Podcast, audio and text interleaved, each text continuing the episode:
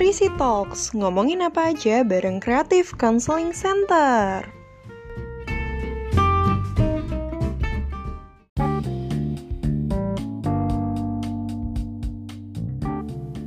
Oke, halo semuanya. Jumpa lagi di Trisi Talks. Oke, mungkin um, kalau misal di podcast pertama teman-teman sempat dengerin obrolan tuh tentang yang dari kepemimpinan sampai pendidikan itu kan yang ngomong ada dua orang dan um, cowok-cowok itu nah kalau misalnya sekarang ini nih mungkin teman-teman bertanya oh kenapa tiba-tiba suaranya jadi perempuan? Gitu. Ya karena emang yang ngomong beda aja. Gitu. ya pakai intinya hmm, ya semoga teman-teman bisa menikmati di podcast kedua ini. Dan kita akan bahas sesuatu yang menarik nih gitu kan. Mungkin buat teman-teman yang lagi ngerasa galau, lagi ngerasa sedih, lagi ngerasa kecewa, bisa nih yuk kita um, bahas sama-sama, kita dengerin podcast ini. Um, mungkin teman-teman bertanya kali ya, di sesuai sama judulnya gitu kan, Hah, memaknai luka atau hah? Memaknai pengalaman menyakitkan. Gitu. Jadi sebenarnya apa sih? Oke oke. Um, kita mundur dulu deh ke belakang ya. Kita mundur dulu. Ya iyalah kalau mundur ya pasti ke belakang. Oke sekarang um, aku mau mulai um, pembicaraan kita nih. Asik pembicaraan kita. Ya biar kerasa ngobrolnya kayak dua arah aja gitu. Oke nah aku mau minta teman-teman bayangin.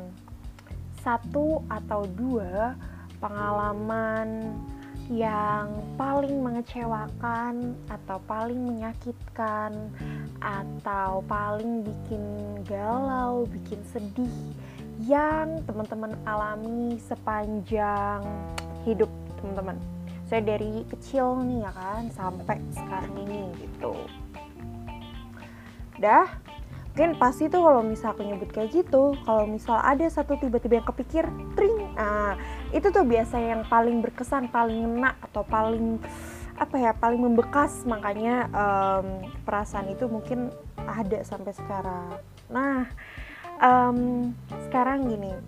Pernah gak sih teman-teman kayak ngerasa uh, pas inget kejadian itu lagi inget peristiwa itu lagi atau bahkan ngerasa perasaan itu lagi uh, mikir gini masih maksudnya kayak masih ada nih perasaan sakit hatinya, masih ada perasaan sedihnya, masih ada perasaan keselnya kayak gitu-gitu. Ini in general ya teman-teman pengalaman menyakitkan, pengalaman mengecewakan itu apa pun gitu. Bisa uh, pas putus sama pacar atau mungkin pernah gagal dalam satu hal gitu apa pun ya kan? Nah pernah gak sih teman-teman tuh um, kayak ngerasa wah gila kok bisa ya gue kayak gitu? Atau wah gila kenapa ya aku hidup gue sial banget? Kayak rasanya usaha yang gue lakuin tuh sia-sia. Ujung-ujungnya gue tetap gagal ujung-ujungnya ya gue tetap nangis. Ujung-ujungnya ya gue tetap sakit hati atau ujung-ujungnya ya gue tetap kecewa. Bahkan sampai perasaan kecewa perasaan sakit hati itu masih kebawa nih sampai sekarang gitu. Pernah gak sih teman-teman masih bertanya-tanya soal itu gitu? Nah um, sebenarnya dari pertanyaan teman-teman itu bisa muncul satu pertanyaan lagi gitu yang lebih apa ya yang lebih dalam. Kayak um, oke okay, perasaan itu pengalaman itu pernah teman-teman alamin dan rasain. Terus gimana selanjutnya gitu kan? Terus mau diapain tuh pengalaman itu? Ya bagus banget kalau misalnya teman-teman memang sudah um, atau sudah berusaha untuk uh, mengambil makna baik dari peristiwa itu. Tapi kalau misal bagi yang belum, itu kan juga uh, bisa jadi jadi satu masalah atau problem baru gitu kan. Nah ngomongin soal pengalaman menyakitkan, pengalaman mengecewakan dalam hidup gitu, satu teori namanya itu logoterapi. uh, yang ditemukan oleh Viktor Frankl. Jadi um, aku ceritain dulu ya si latar belakang dari teori ini. Jadi Viktor Frankl ini adalah seorang profesor dari Fakultas Kedokteran Universitas Vienna di Austria. Nah, um, pada tahun 1942 sampai 1945, Viktor Frankl ini tuh sempat jadi tawanan di masa-masa um, Holocaust Jerman. Nah, karena dia jadi tawanan, itu membuatnya jauh kan dari um, orang tuanya, dari uh, saudara-saudaranya, dan juga dari istrinya. Terus uh, ya pengalaman ini jadi pengalaman yang menyakitkan buat dia gitu. Karena di masa-masa seperti itu dia jauh dari orang-orang terdekat atau keluarganya. Dan uh, di masa-masa dia jadi tawanan, dia tinggal bareng sama uh, tawanan lainnya kan. Nah, di situ dia ngeliat uh, banyak sekali tawanan-tawanan lain yang juga apa ya? kayak istilahnya ya lagi sama-sama berjuang lah gitu untuk bisa balikin apa tetap survive lah intinya gitu kan sama hidup mereka di um, masa menjadi tawanan itu gitu Gak sedikit tawanan-tawanan yang dia lihat yang si Viktor Frankl lihat ini um, ngalamin yang namanya trauma, stres, depresi, bahkan sampai bunuh diri gitu. Nah, di masa-masa ini juga si Viktor Frankl itu sebenarnya berusaha untuk apa ya memberikan semangat sama tawanan-tawanan lain gitu semangat untuk yuk bisa yuk survive gitu sama kondisi saat ini gitu terus sampai akhirnya si Viktor Frankl itu bebas dia kepikiran nih ya kan? Dia kepikiran dia ingat sama pengalaman-pengalaman yang dia alami yang dia lihat juga pas selama dia masih jadi tawanan. Apa sih pengalaman itu? Pengalaman yang dia highlight adalah dia ngelihat bahwa oh ternyata um, di tengah-tengah situasi kehidupan yang bisa dibilang sengsara, bisa dibilang menyakitkan, masih ada loh orang-orang yang tetap berusaha untuk optimis ngejalanin kehidupannya. Di tengah-tengah situasi kondisi yang mengerikan, yang apa ya yang ibaratnya tuh udah hopeless banget lah sama kata-kata kebahagiaan harmonis hidup gitu-gitu.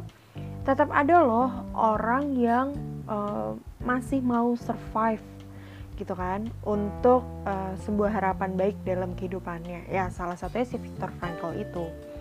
Nah sampai akhirnya di situlah dia uh, mulai nih uh, me, apa ya memberikan keseriusan keseriusan memberikan perhatiannya pada pengalamannya itu.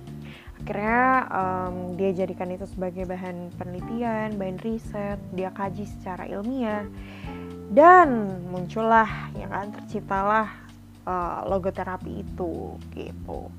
Nah sebenarnya jadi kalau misal bisa dibilang nih teman-teman logoterapi teori logoterapi itu tuh berpandangan bahwa uh, makna hidup atau the meaning of life atau um, hasrat manusia untuk hidup bermakna itu tuh sebenarnya menjadi salah satu kebutuhan dasar juga nih dalam kehidupan manusia gitu. Ya kalau misal sederhananya sebenarnya kita semua tuh uh, secara nggak langsung nerapin itu sih teman-teman. Kayak misalnya kita lagi sedih atau apa gitu kan kita lagi ngalamin sesuatu yang uh, membuat kita bad mood seharian pasti ada aja. Mungkin entah diri kita atau teman di sekitar kita bilang um, sabar ya guys eh sabar ya coba diambil hikmahnya aja. Nah itu. Itu sebenarnya udah implementasi dari uh, teori logoterapi ini gitu.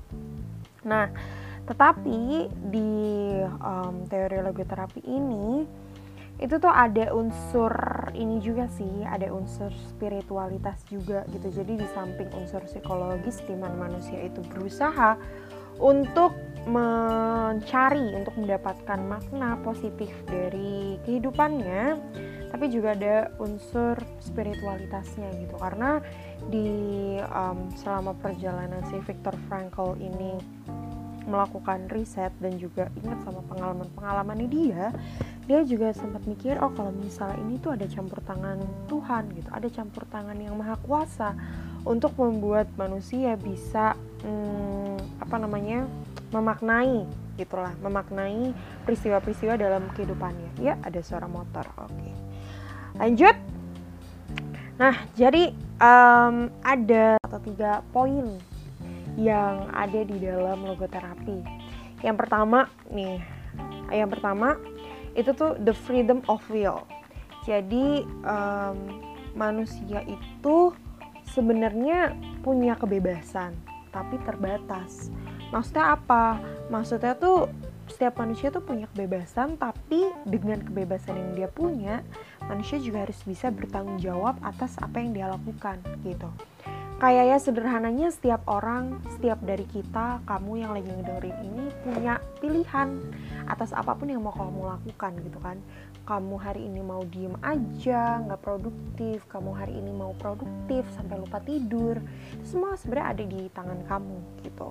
Nah tapi di balik itu semua next pertanyaannya adalah oh dari kebebasan dari pilihan yang kamu pilih yang kamu punya hmm, apa bentuk pertanggungjawabanmu gitu? Terus kamu mau apa mau ngapain mau gimana gitu? Terus yang kedua ada the will to meaning.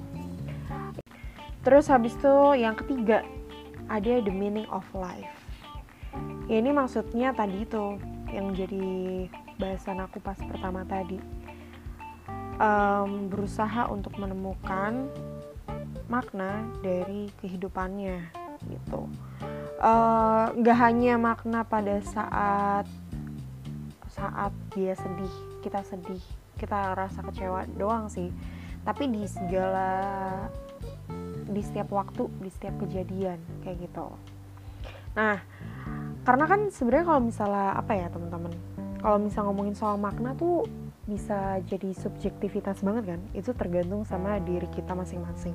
Bisa aja kita ngedapetin pengalaman yang sama tapi belum tentu makna yang kita dapetin juga sama gitu kan? Bisa aja maknanya beda-beda. Kayak contoh sederhananya kamu um, dikasih satu tugas terus uh, ya pokoknya dalam satu kelas dikasih satu tugas atau satu pekerjaan rasanya susah buat kamu, ya kan? Tapi di satu sisi ternyata ada orang lain yang baru dikasih tugas tuh udah takut, udah ngerasa kayak aduh gue takut, gue nggak bisa, gue nggak mau ngerjain gitu. Atau mungkin juga ada orang atau bahkan kamu yang memandang bahwa tantangan tugas atau pekerjaan yang di, yang didapetin itu sebagai sebuah uh, kesempatan untuk belajar hal baru sehingga makna yang kamu ambil adalah oh ini kesempatan baru nih buat aku bisa belajar dan ngembangin diri kayak gitu. Jadi kan maknanya bisa beda-beda gitu. Itu makanya kenapa aku bilang subjektif. Iya yeah, the will to meaning itu apa namanya berusaha untuk uh, mencari sesuatu makna. Cari sesuatu makna apa sih? Maksudnya kayak uh, mencari makna gitu Ya, ini bisa dibilang merupakan motivasi dasar manusia. Maksudnya adalah keinginan untuk bermakna tuh kayak um, tertujunya itu pada hal-hal di luar diri kita gitu. Jadi nggak berpusat sama diri sendiri gitu. Uh, lebih lanjut lagi, terus kenapa aku uh, ngomongin soal logoterapi ini gitu kan di podcast kali ini dan hubungannya sama pengalaman-pengalaman yang kita punya dalam kehidupan kita. Nah, sebenarnya teman-teman, teori dari logoterapi ini bisa dijadiin uh, salah satu metode konseling gitu. Kalau misalnya mungkin yang selama ini teman-teman um, tahu atau kenal ya konseling itu bagaimana uh, seseorang bisa berusaha untuk menemukan uh, solusi dari masalah yang dia alami atau uh, bagaimana seseorang bisa mengembangkan dirinya lebih baik lagi untuk mencapai tujuan-tujuan dalam hidupnya dan segala macam gitu. Nah ternyata tuh si logoterapi ini bisa dijadiin salah satu metode dalam proses konseling. Yang pasti itu tadi titik poinnya adalah berusaha untuk memaknai apa yang uh, dialami sama individu itu. Gitu. Nah titik poinnya apa nih ya kan? Titik poin yang jadi bekalnya tuh apa? Apakah hanya sekedar pengalaman mengecewakan pengalaman sedih dan segala macam? Karena kan biasanya kayak oh kalau misalnya udah sekali ngerasa kecewa sekali ngerasa sakit hati sekali ngerasa patah semangat tuh kadang buat bangkitnya tuh susah gitu kan.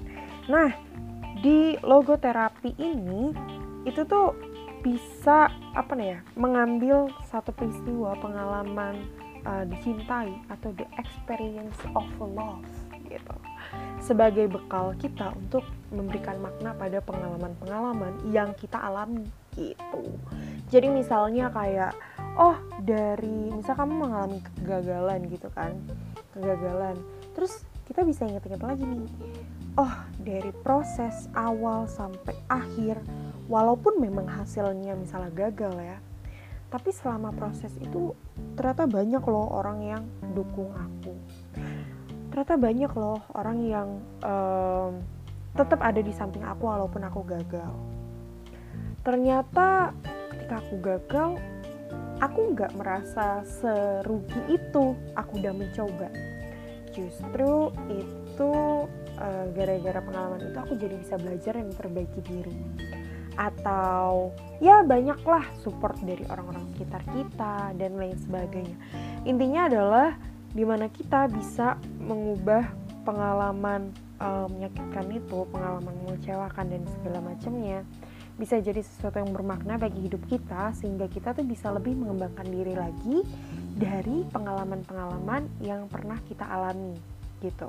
Dan bekalnya salah satu bekal yang paling bisa kita gunakan yaitu salah satunya bekal uh, pengalaman dicintai atau the experience of love itu tadi gitu jadi tentang sedikit tentang logoterapi kalau misalnya kamu tertarik buat bikin bahasan-bahasan kayak gini atau kamu punya ide-ide menarik gitu boleh banget uh, untuk sharing-sharing nih kan biar um, aku podcastnya bikinnya juga gak ngomong sendirian gitu karena di episode episode selanjutnya pasti akan banyak lah bahasannya gitu kan entah nanti yang ngasih podcast itu sendiri atau bisa berdua, bertiga, berempat, berlima, bersepuluh, ya yeah, bersepuluh.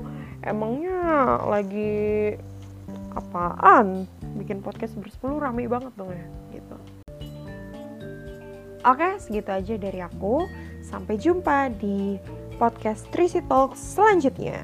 Bye bye